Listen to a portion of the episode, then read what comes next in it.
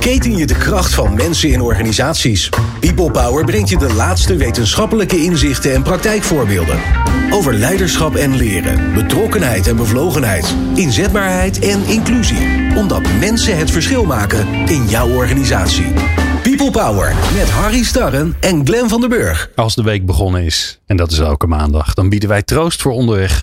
Als je thuis of in de auto zit, dan houden wij hier in Hilversum café, zoals de Vlamingen zeggen. En elke maand bespreken wij dan een of één, ondertussen zijn het er drie geworden. Een groot thema in ons werkende leven.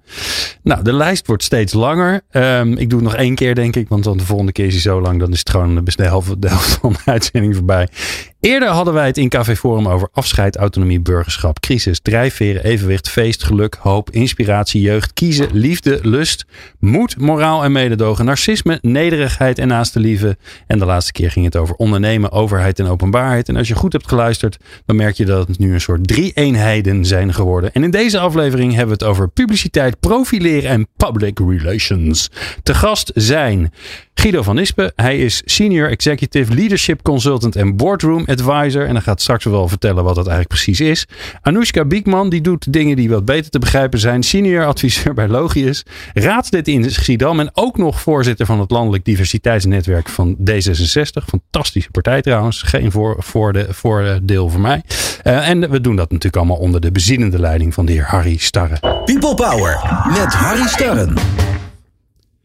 Ja, het is, eh, later dacht ik nog, uh, Glenn, ja. er kan ook nog bij pers en er kan ook nog bij uh, promotie. Dus die P's, als je ze eenmaal te pakken hebt. Ja, nee, en dat zit het nu, komt uit de marketing bijna. Hè? Dus die P's. Oh, ja. Weet je, wat ik de ja, dacht ik, waarom heb ik het zo waren er vier, toen werden het er zes. En zes, niet meer bij te houden. P's, ja. ja. Jij zit zelf natuurlijk in, in de promotionele sfeer. Want terwijl je dit doet als een quasi-hobby. Je doet heel goed, hè, zeg ik even. Oh, dankjewel. Ja, dat is, uh, ja dankjewel. Um, is dat profileren? Is dit, dit ook, ja, dit is profileren. En het is bovendien ook uh, leuk om te doen. Maar de mensen vinden het niet zo leuk. Maar nu, dit is ook promotie voor jouw overige activiteiten. Ja. Dus in zekere zin is dit een manier ook om je te tonen. Want je doet, ook, je doet meer dan dit programma op maandag, hè, mag ik hopen. Wat doe je eigenlijk? Uh, nou, dit op maandag. Uh, ja. De People Power op maandag. Twee ja. uur, al zeven jaar. Aflevering 447 of zo. Ja. Daar ergens zijn we. Op vrijdag maak ik uh, twee programma's over duurzaamheid. Hartstikke leuk. Oh, dat is meer dan uh, Groene groeiers en impact. En dan maak ik nog een heleboel podcasts Dat is voor klanten. jouw business, of niet? Nou, en dit, evenementen? Alles. alles. Oké. Okay. Ja, evenementen, maar even niet. Hè? Dus het is een beetje, dit is wel jouw, jouw thema, denk ik, toch? Jij weet nou, het voordeel van als je dit soort dingen doet, dat geldt ook voor dagvoorzitters, is dat je publiek, dat is eigenlijk ook je marketing. Dus dat is heel ja. handig. Het, het grijpt in elkaar. Het, is, het een is bijna het ander. Ja, maar als je inderdaad, als je, als je werk doet ergens stil in een hoekje en niemand dan, dan ziet moet het, je dan, echt... moet je, ja, dan moet je daar je best voor doen. Ja, maar bij jou me... zit het in de aard van je werk. Ja. Okay. Bij jou ook een beetje, toch? Bij mij ook. Ja, ik weet ook niet precies. Zullen we het ook even over de gasten hebben? Is we gaan het nog over de gasten hebben. Ik, zal, ik heb al met ze gesproken. Guido van Nispen ken ik al uh, veel lang. Ik weet eigenlijk niet zo lang al dat ik niet weet waarvan. Dat is al een goed teken. Oh ja. Goede man, vind ik. En uh, Anoushka Biekman ken ik niet. En dat maakt het wel leuk, maar het is een tip van Guido. Dat wil ik wel eerlijk zeggen, want als zij straks natuurlijk enorm geprofileerd naar buiten komt, dan, komt dan wil ik Guido. de eer natuurlijk ook een beetje met hem delen, Guido. Ik wou beginnen met een klein gedichtje, wat, oh, ik heb opgeduikeld. Eus Rovers, en het is een kinderlijk handschrift, dus het is niet van een ouder iemand. Het is Valentijnsdag.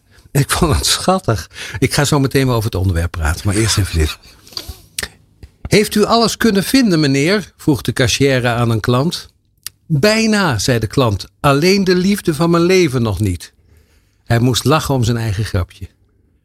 Afdeling houdbaar kassa 4, riep de cashier door de microfoon. Kassa 4.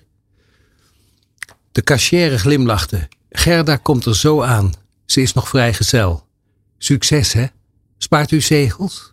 Kijk, dat vind ik nou mooi. en dat dan Gerda ook echt komt en zo. En dat ze dan dat ook nog verliefd worden. Ja. Um, uh, ik ben zelf nogal gepu uh, uh, publiciteitsgevoelig. Ik, ik, ik, heb makkelijk de publiciteit in mijn leven kunnen vinden, denk ik zelf. Hè. Dus ik heb daar, denk ik, gevoel voor. Maar ik ben oud genoeg om te zeggen dat wij in Nederland elkaar hebben wijsgemaakt dat wij een land waren van bescheidenheid. Herinner je dat nog? We zeiden tegen elkaar: je kan hier nooit je hoofd boven het maaiveld uitsteken. En ongemerkt mag je niet meer meedoen als je niet heel vaak je hoofd boven een maaiveld uitsteekt. Dus het is eigenlijk andersom. Wij waren vroeger een land zonder awards. Hè. Er werd nooit lintjes, was het, het enige zo'n beetje, zo rond de Koninginnedag.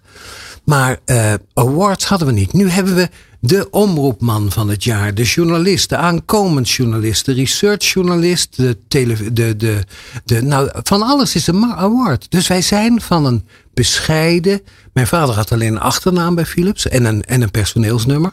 Dus het nummer was vaak nog belangrijker dan je achternaam, maar voornaam kenden ze niet. En in de fabriek was je, was je niemand. Hè? Je stond in de rij bij, de, bij, bij, bij dat, dat apparaat. Het ponsapparaat. Ja, dat ponsapparaat. Dus je had geen. En nu kan je niet leven zonder je te profileren. Het wordt je verweten als je onbekend bent. En het wordt je ook verweten als je te bekend bent of om het verkeerde bekend bent. Want je loopt natuurlijk boven, boven dat maaiveld wel gevaar. Publiciteit. Profileren. In elk vak word je, en ik weet nog dat het begon in Nederland, als ik het goed heb onthouden, met Huub van Zwieten. Die ik nog steeds ken. En die had een boek, The Brand Me. Dat was het merk ik.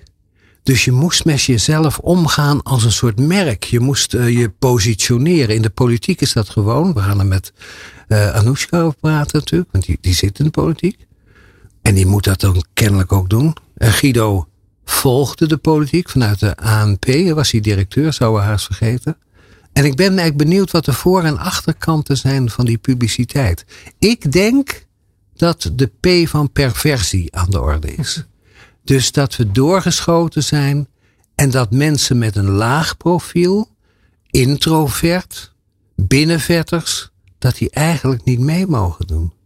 En dat die bij functioneringsgesprekken onmiddellijk worden afgetikt. Ik heb zelfs gehoord dat iemand tijdens een functioneringsgesprek, dat dus de baas zei, uh, je fonkelt niet. Uh, ik mis de twinkeling in je ogen. Ik denk, het gaat al zo ver dat je uitstraling moet hebben, de X-factor zal ik maar zeggen. En je bij God niet weet hoe je dat dan moet creëren. En als je het gaat doen en je bent er niet van, dan word je eigenlijk heel kunstmatig en nagemaakt. Krijg je dat als verwijt? Guido, je zit te knikken. Dat kan een ouderdomsverschijnsel zijn. Dat zou zomaar kunnen, Harry. ja. Kan ook zijn dat als je op een kruk zit, dat je dan automatisch je balans een beetje zoekt. Het is een soort kroeggesprek. Hè? Maar wat, wat ging er door je heen toen ik zo vol van het onderwerp en mijzelf was? Nou ja, kijk, het eerste wat natuurlijk door me heen gaat is van uh, alles wat ik weet wat jij zegt van vroeger, denk ik, dan ben ik ook van vroeger een deel. Ja, ja we uh, zijn generatiegenoten, vermoed ik. Hè? Ja. ja. en dat houdt dus ook in dat je. Uh, en ik ben ook heel benieuwd hoe Anoushka er dadelijk mee omgaat. Ja. maar als je generatiegenoten bent, dan heb je heel veel stappen samen meegemaakt. Ja. dus als ik naar mijn zoon kijk, die is 21. Ja. Die heeft heel veel dingen waar jij het over hebt, kent hij gewoon niet. Hij, nee. hij Vietnam niet, zegt hem niks, dan kun je nou, op vakantie. Misschien weet hij nog wel iets van uh, geschiedenis, maar hij heeft een heel andere kijk uh, op publiciteit. Op hoe hij zich profileert, hoe hij ja. geprofileerd wordt, wat dat allemaal betekent dan ik dat toen had. Hè. Ik heb ooit uh, bij Anne van der Meijden, misschien zeg je ook ja, niet. Ja, dat was een dominee hè? Een dominee. een grote, Uit de Achterhoek. Grote hoogleraar op public relations. Heb Ja. ik vakken gevolgd en gestudeerd in Utrecht. Ja, dat waren hele andere tijden. Daar was je met een hele grote afdeling bezig om een paar mensen of je organisatie uh, in de publiciteit te brengen. En er zat ook heel veel handwerk bij, weet je, van hoe schrijf je een persbericht, hoe kopieer je dingen, hoe verspreid je ze. Uh, maar dat was heel vaak in diensten van weinigen, zoals jij ook beschreef. Hè? Dus Ja. dat herken ik heel goed. Dat die, die, die, Maar nu iedereen, hè? nou ja, dus als je dan even die stappen doorloopt. Hè, je springt nu in één keer van weinigen in de publiciteit naar heel veel in de publiciteit. Dat is natuurlijk niet in één keer gegaan. En ik denk de uh, een grote stap is dat we in die digitale wereld ingestapt zijn. Ja. En daarmee kan iedereen publiceren. Ja. Iedereen kan gezien worden. En iedereen heeft de combinatie van die twee dingen. Dat betekent namelijk, er is een, een fysieke Guido van Ispen, die zit hier. Ja. Maar er is ook een Guido van Ispen op Facebook. En die kan heel anders geïnterpreteerd worden door mensen die mij wel of niet kennen dan degene die hierin Je zit. kunt meer, ja. Dus op Facebook kan je bijvoorbeeld extreem zijn en in het dagelijks leven een hele aardige man. Eh, Komt in wel het eens voor, hè? kan dat. Komt ja, voor, ja, dat kan, dat- voor mij geldt dat niet, maar dat zou kunnen. maar bijvoorbeeld op LinkedIn eh, heb ik een zakelijk profiel. Daar kies ik onderwerpen over de toekomst van werk.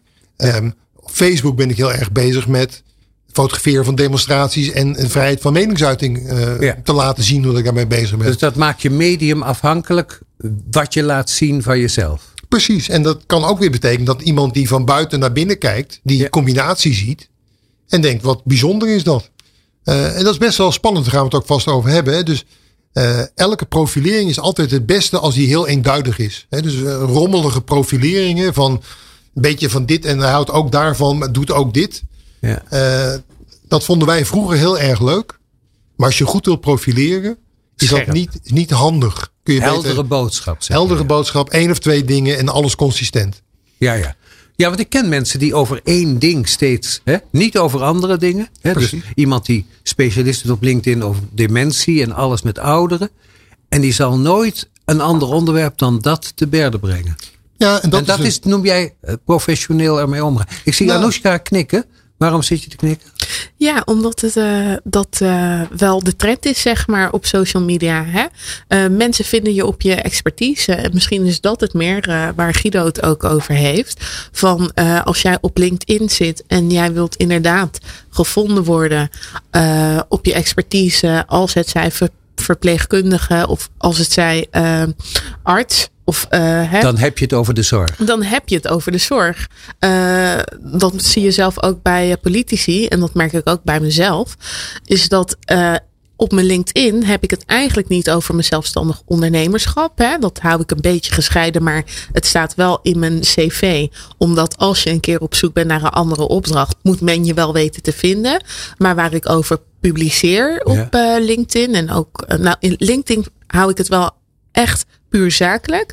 Dat is wel gewoon eh, mijn eh, politieke eh, portefeuille. En Ja. de onderwerpen De die ik in thema's. portefeuille is. En Ja, die thema's zijn, want dit is een kans om te profileren. Ja, nee, dit is inderdaad de kans.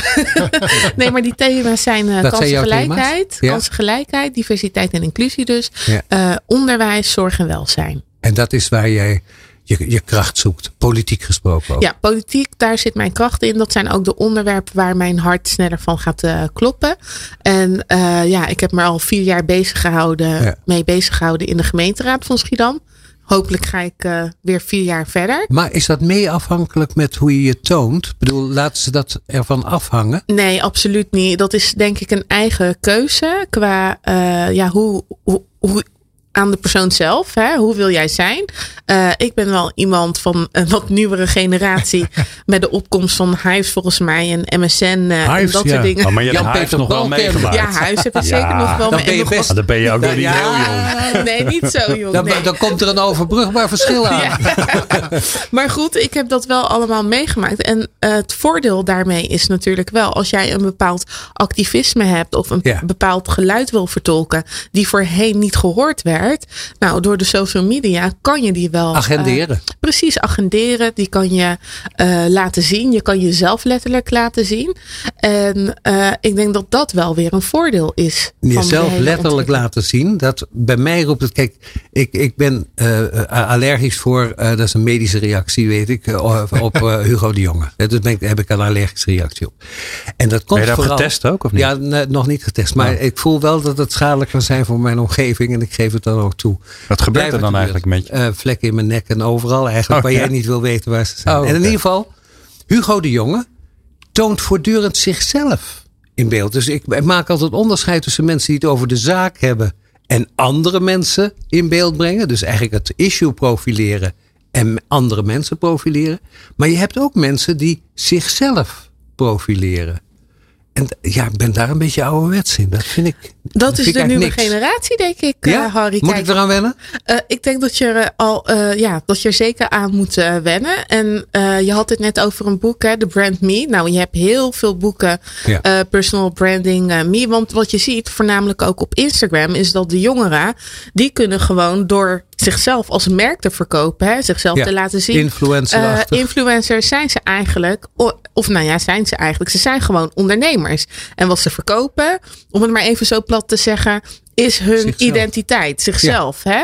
Eh, en daar verdienen de jongeren gewoon echt gigantische bedragen mee eh, Ja. op Instagram. Het heeft natuurlijk ook een keerzijde, maar daar komen we waarschijnlijk eh Nou ja, later mijn, mijn dochter had drie, een enorm aantal erop en kreeg dus gratis kleding en allemaal eh, gratis dingen. Die ze, dan, nou nee, die ze daarna dan weer weggaf. Want ja, als je het gratis krijgt, dan vind je het ook niet gek veel waard.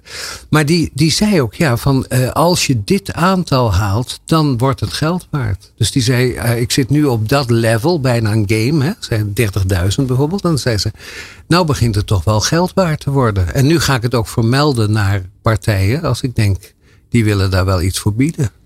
Vreemde wereld, vind ik, hè, maar je, je, je kan zo somber kijken ineens. Is dat omdat je diepe gedachten hebt? Eh, nou, weet je, ik heb geleerd als je een kaal hoofd hebt en een dikke bril. dat je al heel snel in de hoek zit van somber, agressief. Lang Vooroordeel. geleden- naar, de vooroordelen. achter, Bart zullen we eens naar de achterkant zoeken? Nou, nou, ik kom er Ja, zo aan. Maar Bart, Bart Chabot heeft heel veel goeds voor me gedaan. Ja. Eh, de hele tijd zeiden mensen: hey, ben jij Bart Chabot? Ja. Eh, maar nu minder. Ik hoorde gisteren toevallig voor het eerst weer iemand die zei: hey, je lijkt wel op Bart Chabot. Ja. Eh, die heeft er wat luchtiger gemaakt. Maar ik denk even terug te komen op die, eh, eh, die vaarde. Daar, daar zit een negatieve kant aan. Maar het systeem is heel helder geworden. Hè? Dus Ja. eh, vroeger kon je wellicht, hè, toen wij kinderen waren, eh, kon je wel heel iets leuks doen. Maar dat zag niemand behalve een paar mensen om je heen. Ja. Nu heb je natuurlijk TikTok. de kans dat jij iets doet. En dat ineens honderdduizenden mensen dat leuk vinden. Democratisering dus eigenlijk. Ja, dus toen ik begon met die social media. Ik, zal, ik heb ooit een, eh, eh, een, een award gewonnen voor de beste fotoblog in Nederland 2006. En dat klinkt dan heel stoer. Ja. En ik ben er na al die jaren nog steeds trots op. Maar er waren natuurlijk niet heel veel.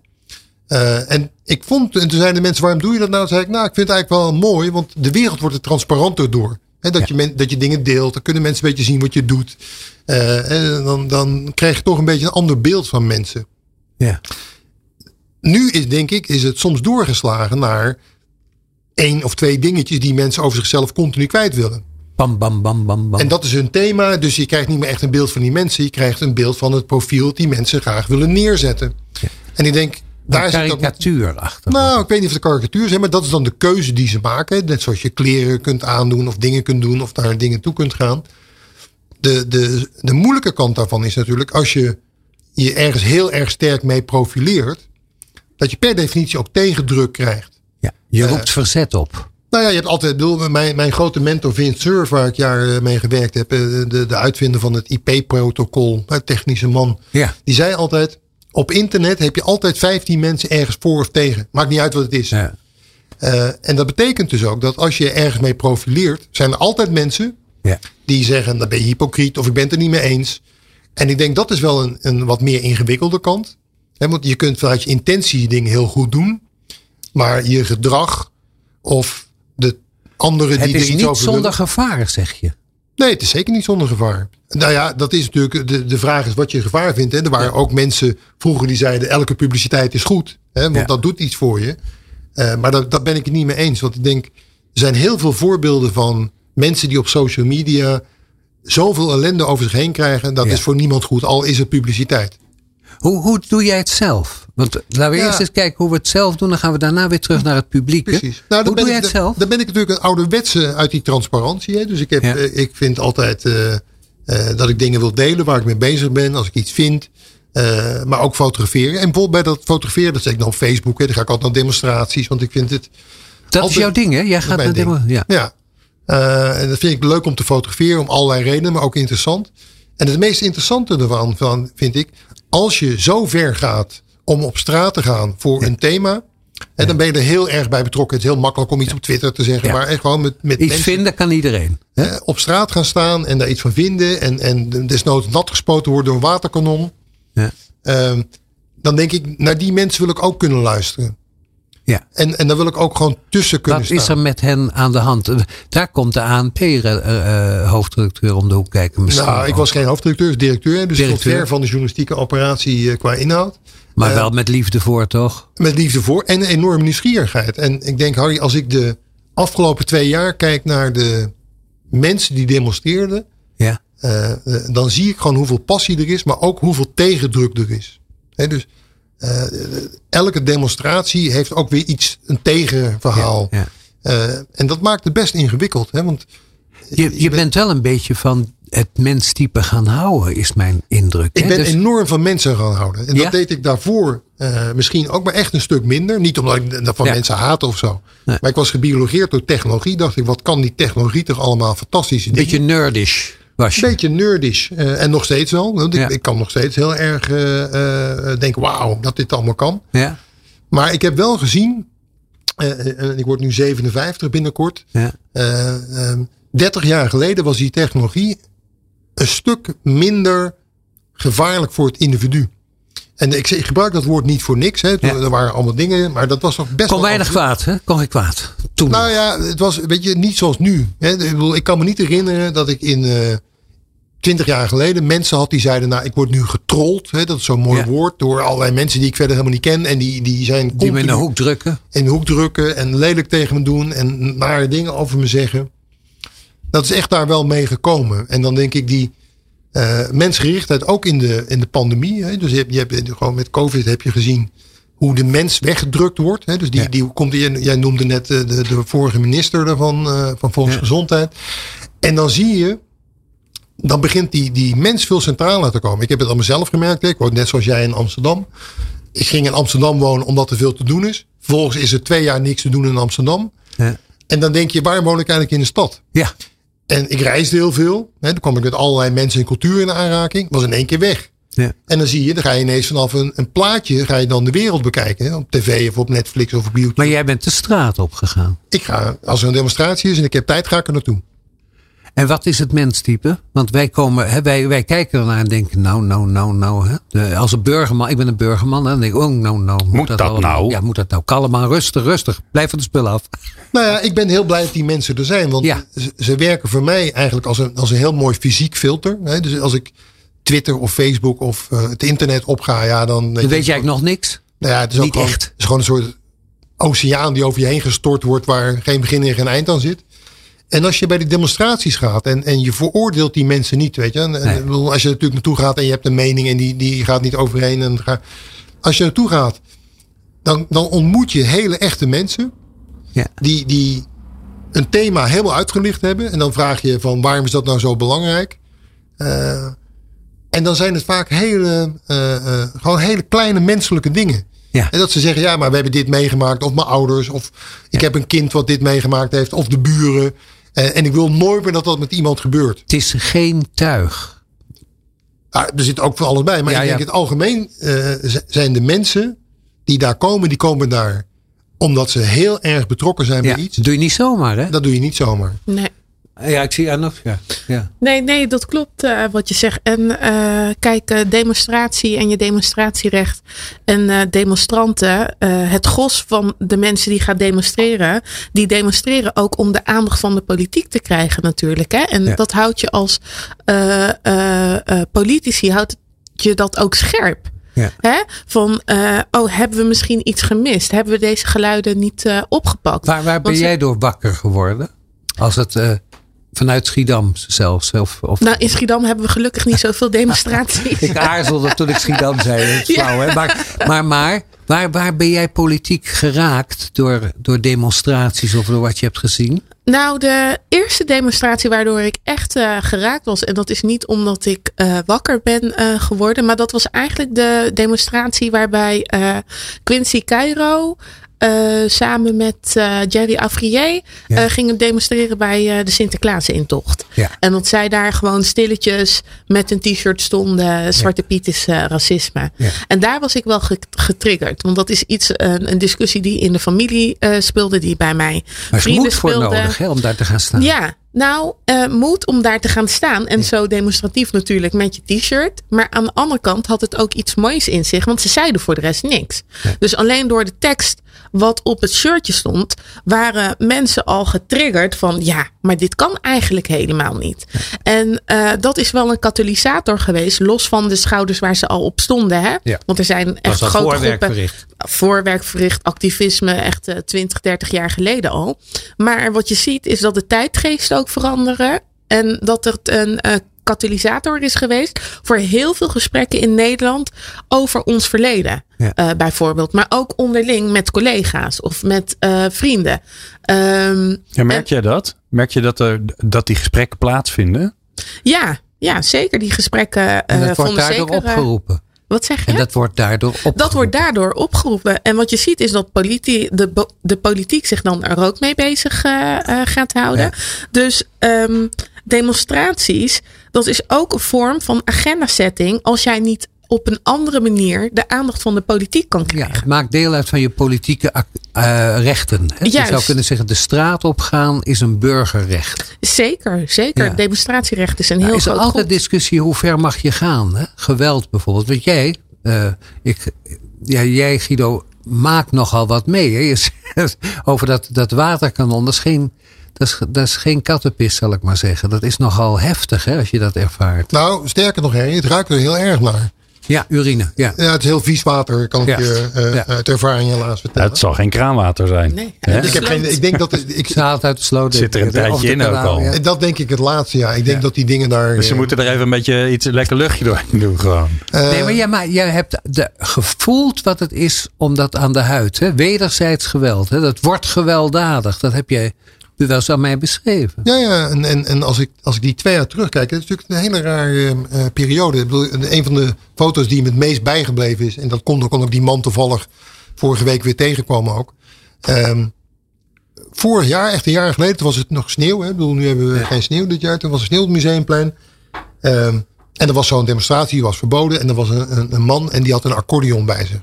Ja. En die speelde daar een liedje op. Ehm, maar hij was vergeten, dus hij, want daarna moest hij ergens naar een feestje. Dat Ja. was, eh, daar verdiende hij zijn geld mee. Dus hij dacht, nou, ik sta hier in de kou, er staan allemaal mensen omheen. Weet je, Ja. ik, ik, ik speelde een liedje. Maar zoals veel Nederlanders eh, eh, had hij zijn legitimatiebewijs niet bij zich. Nee. Nou, eh, hoe erg is dat? Nou, daar kun je van alles over vinden. Het moet Ja. for- formeel. Eh, en die werd toen, toen door 10, 15 agenten opgepakt en meegenomen. En dan denk ik, dat is wel heel heftig. Hè? Dus dan heb je gewoon een, een, Een echt een normale overdaad. Nederlander. Een Die, die niks kwaads in zin heeft. Bedoel, hij, hij staat ergens, hij, hij speelt een liedje. Het is koud, het is gezellig. Het mag misschien wel niet. Ehm, en die wordt dan met, met grof geschut eh, opgepakt en meegenomen. Eh, en toen ik die man sprak twee weken geleden. Het heeft heel veel met hem gedaan. Weet je? Het heeft heel veel met hem gedaan. Met zijn veiligheidsgevoel. Met van hoe gaat de Nederlandse eh, regering met mij om. Ja, zijn overheid. Dus ook zijn, zijn overheid, die, die, die demonstratie waar hij bij was, neerzet als mogelijk gewelddadig met gewapende. Hè, dus hij voelt dan, en dat, dat, dat is natuurlijk ook wat er gebeurt. Je, je voelt hè, die, die woede die dan opkomt van ja, maar ik kom hier gewoon, hè, ik wil mijn vrijheid uiten. eh, ik kom hier een liedje spelen. Eh, en als je dan gewoon opgepakt wordt, Ja. ondanks het feit dat je weet dat het niet mag. Hè, dus ook, weet je, Nee, je maar wordt gecriminaliseerd. ja, en- gestigmatiseerd. Hè? Want de, die, die, die foto, die, niet alleen die ik genomen had, maar die, dat is natuurlijk een mooie foto om te laten zien. Hè? Een man met accordeon met een brilletje op die met, eh, door de politie wordt opgepakt. Eh, die verspreidt zich dan. Of dat omaatje met die rode paraplu die omvergespoten wordt door zo'n waterkanon. Maar dat doet ook heel veel met die mensen. Hè? Want daarvoor waren die mensen gewoon mensen die niemand kende. Ja. En nu waren ze ineens representanten van een groep gewelddadigen die met waterkanonnen omvergespoten moest worden Een label waar je niet meer van afkomt. een label wat veel met je doet. En, en wat je ook niet kunt weerleggen. De, de, de, de mediadruk die daar overheen komt. Niet alleen de traditionele media, maar ook gewoon alle sociale media. En Guido, mag jij die foto's gewoon gebruiken? Want Waarom niet? Dus uh, vrijheid. Vrijheid eh, van, van nieuwsgaring. Hè? ja, maar er, is- er, zit, er zit een gezicht van iemand op. Zeker, maar als je demonstreert in de publieke ruimte. Dan, Dan ben je, ja, dan ben je is gewoon dan ben je de bok. Ja. Nou, dan ben je niet de bok. Maar ja, dan, dan ben je, mag je die foto's vrij delen. Nee, want ik kan me voorstellen dat eh daarin misschien iemand loopt en dat zijn werkgever dat niet zo Ja. leuk vindt. En Ja. dan, Maar ja, dat, dat is, dat, zo begrijp maar dan ik moet je niet gaan demonstreren. Nee, nee want je, je kunt het iemand wel beletten. Als je op straat loopt, iemand maakt een foto. Dan kun je dat Dan mag het wel. Want dan is het geen nieuwsgaring. Nou, dan, zelf in de publieke ruimte is het ook zo. Maar ik, ik, denk dat je wel een, een bijzonder punt aanraakt. Kijk, dus, eh en Noeska gaf dat net ook aan. Dat is natuurlijk een heel belangrijk punt. Als je die vrijheid van meningsuiting hebt. En je gaat naar een demonstratie toe, die ook niet eens verboden is. En je wordt daar, eh, eh, je wordt daar op, eh, weet je, mensen maken een foto of een filmpje daarvan. En daarmee word jij in een bepaalde groep gezet, al heb je daar niks mee te maken. Nee. Dat is echt wel heftig. Hè, dus dan, ik bedoel, jullie hebben al die filmpjes gezien, die man die geslagen werd in Den Haag. de- dat ja, met die hond ook. de man met de hond de laatste keer. Ja. Weet je, dan mensen denken dan toch. Wat je, je kunt dat A niet weerleggen, maar denken toch, ja, je, je wordt niet voor niks door die hond gebeten. Weet je, dan had je maar niet moeten zijn.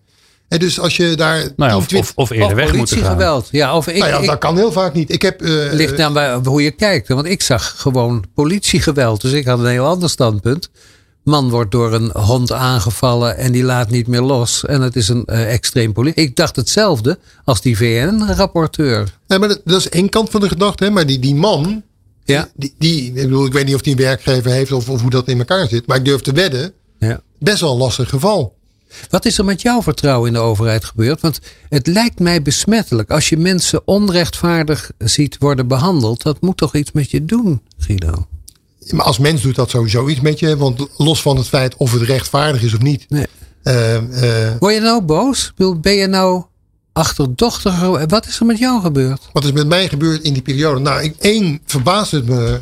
Uh, want dat vind ik dan wel weer het aardige van die social media. Ik heb ook veel vrienden in het buitenland die de situatie in Nederland natuurlijk niet goed kennen. Nee. Maar als je dan veel demonstraties fotografeert en dat deelt op Facebook, ja, ja, ja, ja. ontstaat het beeld. Dat er heel veel gedemonstreerd dat er heel wordt. veel gedemonstreerd wordt en dat Ja, toch wel heel onveilig Gewelddadig land. is. land, ja. Gewelddadig land. Hè, dus dan, dan zie je. En, eh, terwijl ik gewoon denk van nou ik ben er geweest. Ik maak een paar foto's. Vind ik leuk om te delen. Eh, ook wel interessant. En, eh, en, en interessant om te doen. Is dat de reactie? Hè, dus bijvoorbeeld een, een tante van mij uit Australië zei. Ja. Nou ik ben blij dat ik naar Australië ben gegaan. Ja. Eh, en dan zie je dus de impact. Hè? Dan denk ik dus, dus mijn vertrouwen in de overheid. Ja, dan denk ik. Weet je, de, politiek is één ding, overheid is een ander. Eh, Maar dus publiciteit vervormt. Altijd, het is Ja, onvermijdelijk. zeker. Toch? En wat Guido net aankaart, en dat is eh, een van de keerzijdes van eh, social media natuurlijk, is je creëert een bubbel. Hè, doordat je alleen maar op één specialisatie of op één onderwerp focust. En de mensen die daarin geïnteresseerd zijn, die volg je natuurlijk. En die leven dan in een soort eigen bubbel. Ja. Dat Dus jij, zit ook. in een diversity and inclusion bubbel. Diversity and Inclusion en D66-bubbel. Want dat merk ik ook gewoon in mijn Het tijdlijn. labeltje. Dat je opeens eh, alleen maar, hè, want je gaat ook mensen volgen vanuit de partij. Of je gaat andere werkende moeders volgen. Dus je cre- creëert ook een beetje je eigen eh, wereld. En dan is de kunst om ook gewoon echt naar andere platforms te gaan. En eh, je ook een beetje binding hebben met andere dingen die jou niet interesseren. Ja, Want nou, anders blijf je in je eigen bubbel en in je eigen gelijk je, je roept wel wat in mijn last, want ik doe zelf erg veel over armoede, ongelijkheid, onrechtvaardigheid, sociale rechtvaardigheid. Dat zit erg in mijn eh, ambitie en aandachtsveld. En dan probeer ik, door bijvoorbeeld ook aandacht te vragen voor klassieke concerten en voor dat ik eh, probeer als het ware een menselijk randje te maken. En mijn illusie is, denk nou niet dat ik de hele tijd maar me boos aan het maken ben over sociale onrechtvaardigheid. Ik heb ook meer aan mijn hoofd. Dus ik zit als het ware, eh, probeer te voorkomen dat ik radicaal gelabeld word. Daar, want daar ben ik wel het meest kwaad over. Hè? Dus daar zit wel de meeste drive. Maar ik probeer het een beetje menselijk te maken. En ik ja. hoor van Guido, maak je het niet scherper mee. nou ja, ik, ik, ik denk, weet je, als, als mensen eh, de tijd en moeite zouden nemen om achter al die beelden de mens te zien, zou heel wat zijn. Je, zou geweldig zijn. Hè? En wat mijn eh, eh, grote interesse en zorg is ook. We hebben nu praten een beetje over de digitale wereld, maar de volgende generatie, het Ja. metaverse, zoals het zo mooi Ja, ja, die gaan er helemaal in op. Nou ja, dus we we hebben natuurlijk de afgelopen twintig jaar het grootste sociale experiment ooit gedaan. Ja. Hè, We, we, we hebben allemaal zijn we online gegaan en digitaal en we denken dat het allemaal erbij hoort. Ja. Je ziet ook dat als je de, de, de, de echt jongere generatie die op de Roblox en de Minecraft zitten. Door Roblox, ja. Hè, die, nou ja, misschien, ik weet niet of jij kinderen die leeftijd mijn hebt. dochtertje. Ja, ja, precies. Die, die kiezen. Hè, dus, dus wij hadden fysieke wereld. Gingen we onszelf een beetje in de digitale Ja, ja. wereld doen. Wij, wij wisten nog dat er twee werelden waren. Maar nu, nu begin je mensen eh, eh, te krijgen in grote volumes al. En dat Ja. gaan wij het straks ook krijgen. Waarbij je een avatar gaat kiezen. Hè, dus dan ben je niet meer jezelf. Dan ben je ook niet meer herkenbaar. Maar dan kies jij iets waarvan je vindt dat je het bent. En dat is natuurlijk heel ingewikkeld voor de menselijke geest. Hè, want je gaat dan een rol spelen. En als ik daar heel even over eh, mag filosoferen, Harry, van je. Eh, in de fysieke wereld, als je een café binnenloopt en je slaat de boel kort en klein, Ja. word je opgepakt. Maar een avatar niet, hè? Maar een avatar in een game die zeg maar eh, een heel dorp uitmoordt, wordt niet opgepakt. En want dat, dat hoort in, Nou, dat, in dat spel. Nou, Nou, en dat is grappig dat je dat zegt. Maar bij mijn zoon die, die gamet nogal wat. En die, Ja. zit, die zit zeg maar voor een belangrijk gedeelte in die online wereld. Daar heb je natuurlijk ook regels. Als je je daar niet aan de mores houdt, dan word je gewoon uit het spel geflikkerd. maar dat is de Morris. Maar er zijn gewoon spelletjes waar jij gewoon hele dorp Los uit kan gaan. Oorlog kan spelen. Ja, eh, ja. Grand Theft Auto. Maar- maar Als je dat in ja. het echte leven doet, is het meteen mis. En in dat digitale eh, schijnwereld niet. De vraag is natuurlijk Wat dat betekent. wat dat betekent. Want daar zijn die regels allemaal niet. Dus als je. Ja. De voorspellingen zijn dat de, de vrije tijd van de mensen is nu 60% offline, 40% online. De komende 10 jaar dat gaat omdraaien. draait om, ja. Hoe gaat dat dan met. bedoel, Dan ben ik wel benieuwd hoe Anoushka en de politiek erover nadenken. Want we zitten natuurlijk nog heel erg in die fysieke Nou, wereld. We ronden een beetje af, want ik wou straks, eh, eh, dat is heel kort. Ja, we gaan blijven er het tweede deel Wil ik naar die hebben. publieke zaak, echt helemaal naar Ja, de ja. publieke zaak. Eh, eh, overigens met- een bruggetje, Herman Pleij gaf een interview net over een nieuw boek. En die had als fantasie, dat deelde die, was wel slim van hem, want daardoor onthoud je dat interview. Zei hij dat hij als fantasie had dat als hij een kroeg binnenkwam of een etablissement, dat hij dan in gedachten met een machinegeweer iedereen neerschoot. Dat is een fantasie. Nou, Maar hij kon niet ontkennen dat hij dat regelmatig had. Ik vind dat leuk hoor. Want eh, ja, Martine Bijl heeft ooit gezegd: Ik heb altijd fantasie dat ik mijn handtasje in het water gooi. Dus nou hebben dat is wel wat dat vind ik binnen. Ja. Maar, nee, Zou maar dan, gaat het erom, zijn. dan gaat het erom. Het zit in ons allemaal, bedoel ik. Fantasieën, want anders kunnen die spellen niet worden gespeeld. Maar ik vond het zo mooi dat hij dat in die echte wereld, dat hij daar zei. En in mijn fantasie maai ik dat hele café de jaren neer. Oké, daar ga ik niet meer naartoe. Nee, nee, nee, daar maai ik neer. Maar ik zeg altijd wel, goedemorgen. Sorry hoor, Harry. Ik vraag me dan wel af van waarom zou je dan überhaupt nog in een café willen komen als je zo'n gedachte hebt in de Ja, echte vind je ze wereld? toch niet echt heel aardig, die mensen. Nee, hè? Eh, Hey, nee, maar ik ehm, vond het zo mooi. Laten we nou die man eens accepteren. Dat, er, dat we zoveel fantasieën hebben waar we niet over durven praten. En dat vond ik het aardige. Hij zei iets waarvan wij dan meteen zeggen. Oh, Oh. ja. Terwijl hij eigenlijk niks anders zegt dan een fantasie zoals in een spelletje Ja. normaal is. Ehm, we maar ik praten zo verder over eh, de publieke zaak. Want dat hadden Ja. we beloofd. Experts en wetenschappers over de kracht van mensen in organisaties. People Power. Guido van Ispen, Anoushka Biekman en Harry Starre in de studio. En we praten over, god Harry, we hadden het ook weer over publiciteit, profileren en public relations. De, we hebben het eigenlijk over eh, ehm, het publieke. Daar zou ik het willen over, want dat is het openbare terrein. Hè, waarin veiligheid, we hadden het in de korte pauze die eh, de podcast wordt weggemoffeld, hè, wegwerpen van Glenn. Ja, mag niet Eh, dus rechten. nee, want je mag niet muziek laten luisteren waar je dan niet voor betaalt. Dus, maar in de publieke ruimte zijn wij eh, buitengewoon actief geworden. Van alle kanten. Hè. Vroeger had je alleen wachten je op de krant voor het nieuws. Nu weet je alles staat- wat erin je weet- staat. weet alles wat erin staat. Dus je, het is vaak bevestigend en anders is het duidend. Maar het komt langs alle kanten op je af. Wat is er met ons aan de hand? We hadden het daar net over. Gaat het goed? Gaat het fout? Veel, veel te algemeen. Nou ja, ik, ik schop het even af, maar dan geef ik echt Ja. een stokje meteen aan Anoushka. Ehm, volgens mij, hè, als ik naar mezelf kijk, dan is de wereld voor mijn gevoel onveiliger geworden. Of dat nou gaat over grote of kleine dingen. Eh, het is moeilijker geworden om, je, eh, om te weten wat je doet en wat je niet doet. Alle informatie, goed of slecht, eh, krijg je over je heen. Ja. Eh, en neem dat hele simpele voorbeeld als, als de Oekraïne. Of grensoverschrijdend gedrag wat we hier constateren. Ja. Dat is geen verbinding, geeft mensen geen goed gevoel. Ik ben nog van de generatie dat, dat we allemaal polderden. Weet je, en ook bij elkaar kwamen en verbinding aan doen waren. En leuke dingen. En als je een neef had die punk was, vond je dat ook leuk. Weet Was dat die- niet een schijnwereld van schijnzekerheid? Van, hè, de, de- we hebben het nu over corruptie. Die we- zeggen andere mensen, dat wisten we toen gewoon niet. Maar hoe zie jij dat? Want eh, ik krijg het gevoel dat er een iets jongere stem eh, even iets moet vertellen. Nou, ik denk dat ehm, doordat we zoveel in de openbaarheid eh, hebben, hè, als ik het vanuit de positieve kant mag bekijken, zijn gewoon ook hele grote essentiële zaken naar voren gekomen. Neem de toeslagenaffaire. Ja. Dat had alleen maar gekund in deze tijd met deze middelen. En met Kamerleden die zo eh, kritisch zijn natuurlijk. Eh, maar wel door die ouders continu in beeld te brengen. Door die ouders continu het woord te laten doen. En die eigenlijk geen gehoor hebben gekregen. Of die eigenlijk, die gewoon geen gehoor hebben gekregen. eh, binnen de overheid en ook binnen ons eigen rechtssysteem. Is een soort achterstallig onderhoud misschien wel. Ik bedoel, de hele alles rondom Black Lives Matter. Alles nu nu eh, rondom grensoverschrijdend gedrag van vooral mannen eh, die voor heel veel onveiligheid zorgen. Dat is er natuurlijk altijd al geweest. Ja.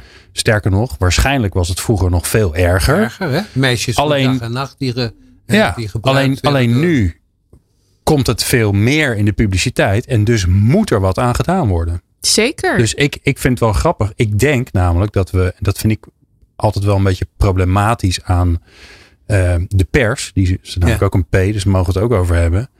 Dat die, die zijn zo gedrild ondertussen om het te hebben over de dingen die niet goed gaan. En dat uit te vergroten, terwijl het nooit goed gaat over alles wat er wel goed gaat. Ik bedoel, voor een heel groot gedeelte van de mensen in Nederland zit alles best wel oké in elkaar. Daar hebben we het niet over, want dat is niet interessant, blijkbaar. Maar het beeld wat ontstaan is, ik ben niet veilig. Er gaat heel veel mis. Er is heel veel oorlog. Terwijl dat allemaal minder is dan vroeger. Dat is gek. Ja, nou minder oorlogen. Ik denk dat eh, het ook te maken heeft dat de gemarginaliseerde groepen, hè, Ja. eh, dat die nu van hun laten horen. Ja. En wat je net aangaf van die schijnveiligheid, hè, misschien was dat daar wel, omdat eh, de stem van de ongehoorde die werd niet gehoord. Ja. Dus voor de buitenwereld ehm, en zeker voor de witte man eh, leek alles Alles gewoon in kannen en kruiken. Maar ondertussen eh, vrouwen die hadden, die hebben echt moeten knokken voor hun positie, knokken nog steeds voor hun positie. Eh, mensen met een eh, migratieachtergrond knokken voor hun positie, hebben geknokt voor hun positie. En die zeggen nu: het is genoeg.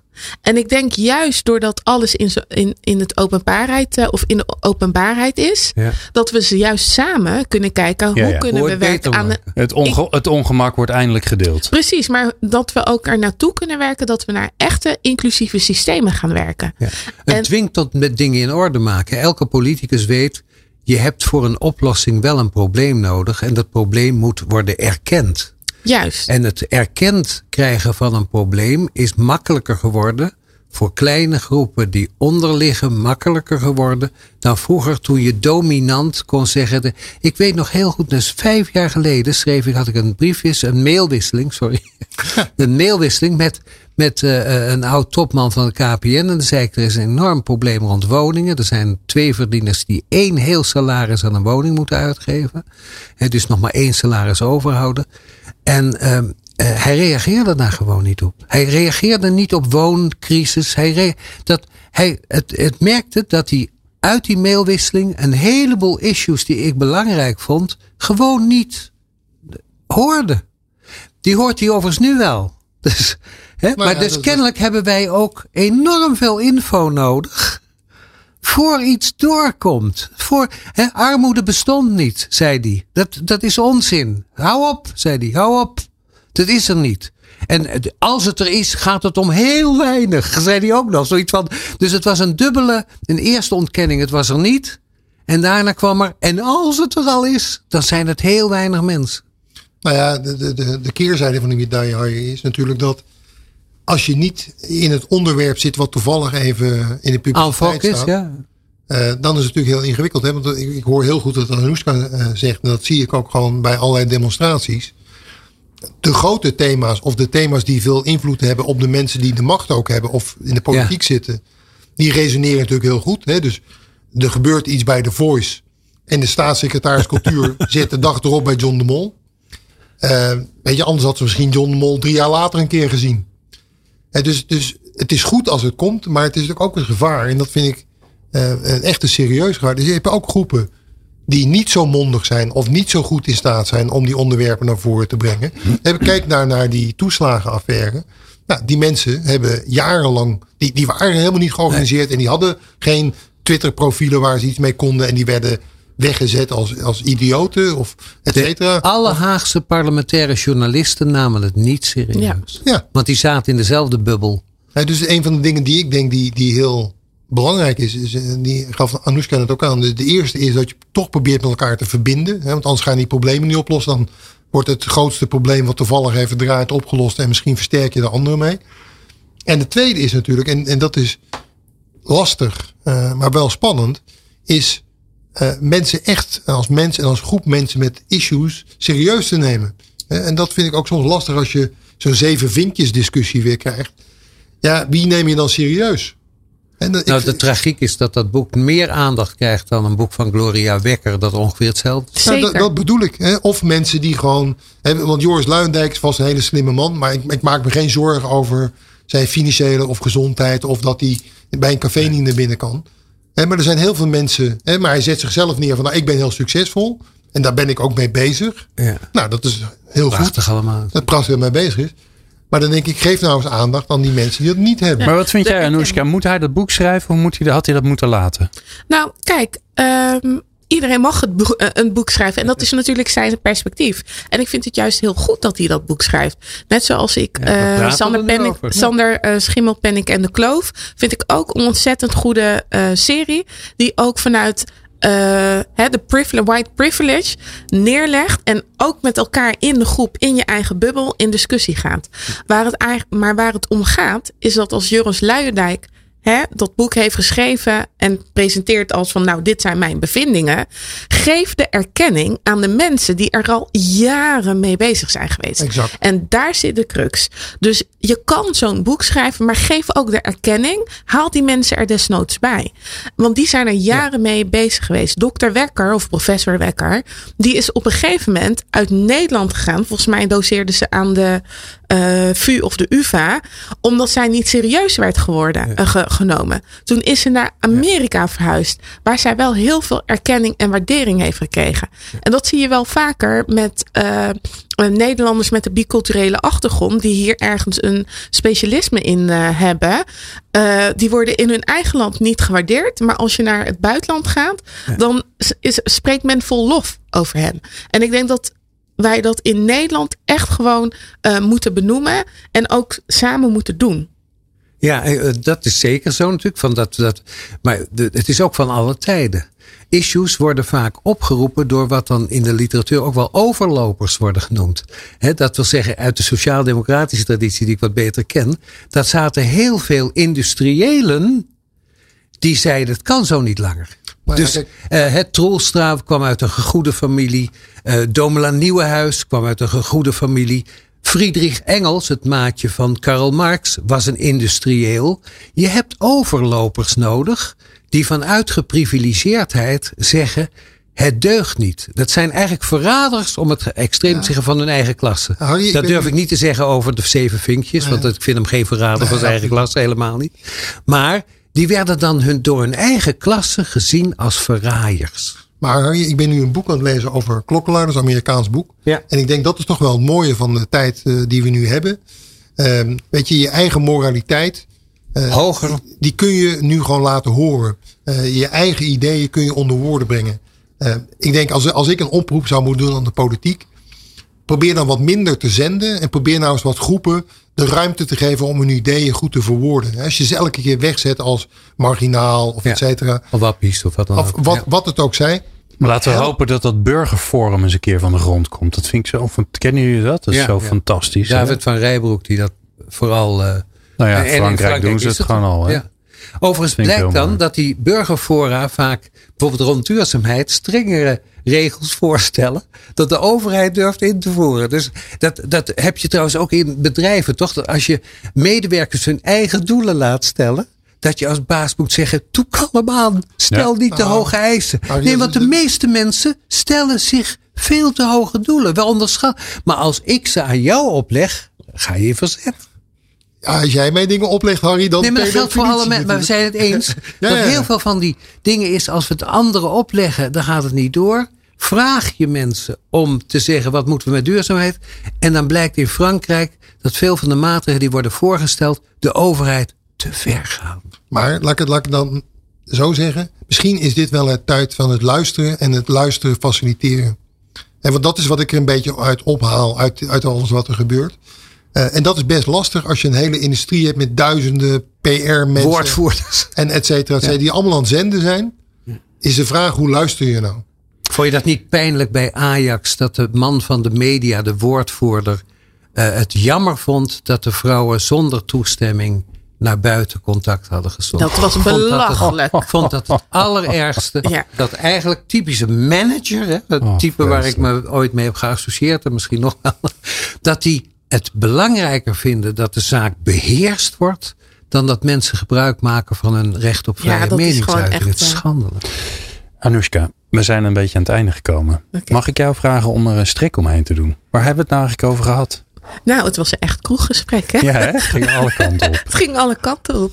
Maar ehm, ja, ik denk dat eh, we eigenlijk wel een goed beeld hebben geschetst van ehm, hè, social media, de inzet, eh, inzet van internet, eh, wat je ermee kan, wat je ermee kan in een publieke, publieke zaak. Zowel de positieve als de negatieve kanten.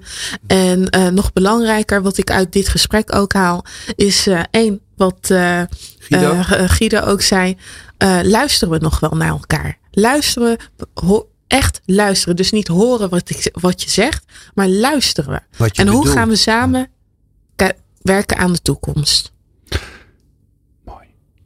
Toch, Harry? Ja, ik ga je niet doorheen. Nee, nou hè, praat dat ik er toch doorheen. Nee, door dit. daarom. Nee, dat gaan we niet doen. Het is goed zo. Ehm, ik dank jullie zeer. Weet je al waar we het de volgende keer over gaan hebben, Harry? Nee, dan komt een vreemde letter, de Q. Oh, Volgens leuk. mij P. Ja. En dan Q. Ik, ik kom niet verder dan querulant. Maar eh, misschien dat hier iemand zit die met de Q-quotient. Eh, Nou, wat moet je toch? QR-code? Ja. Status quo, maar dat Sta- is ja, eigenlijk... dat is die, Ja. die Q aan het. eh, ja, Maar die QR-code lijkt me een hele Ja. mooie. Ja, want dan gaat het toch ook over eh, grondrechten. En over, ik vind, hè, de, de- waar we Digitaal. kennelijk bang voor zijn om dat te bespreken, omdat je dan in een van de twee kampen komt. Ik merk Nou, heb je, dat ik eh, me voordat we het hele gesprek weer overnieuw gaan Ja. doen. ehm, Ja, mocht jij nou een eh, advies hebben waar we het De over Q. moeten hebben. De Q, want dat is inderdaad een lastige letter. Laat het ons weten. Eh, je kunt ons mailen op info.people-power.nl of anders natuurlijk via alle socials. Dank u wel allemaal in de studio. Guido van Ispen, Anoushka Biekman en natuurlijk Harry Starre. Jij bedankt voor het luisteren. Meer luisteren? Ga naar peoplepower.radio en abonneer je op onze podcast.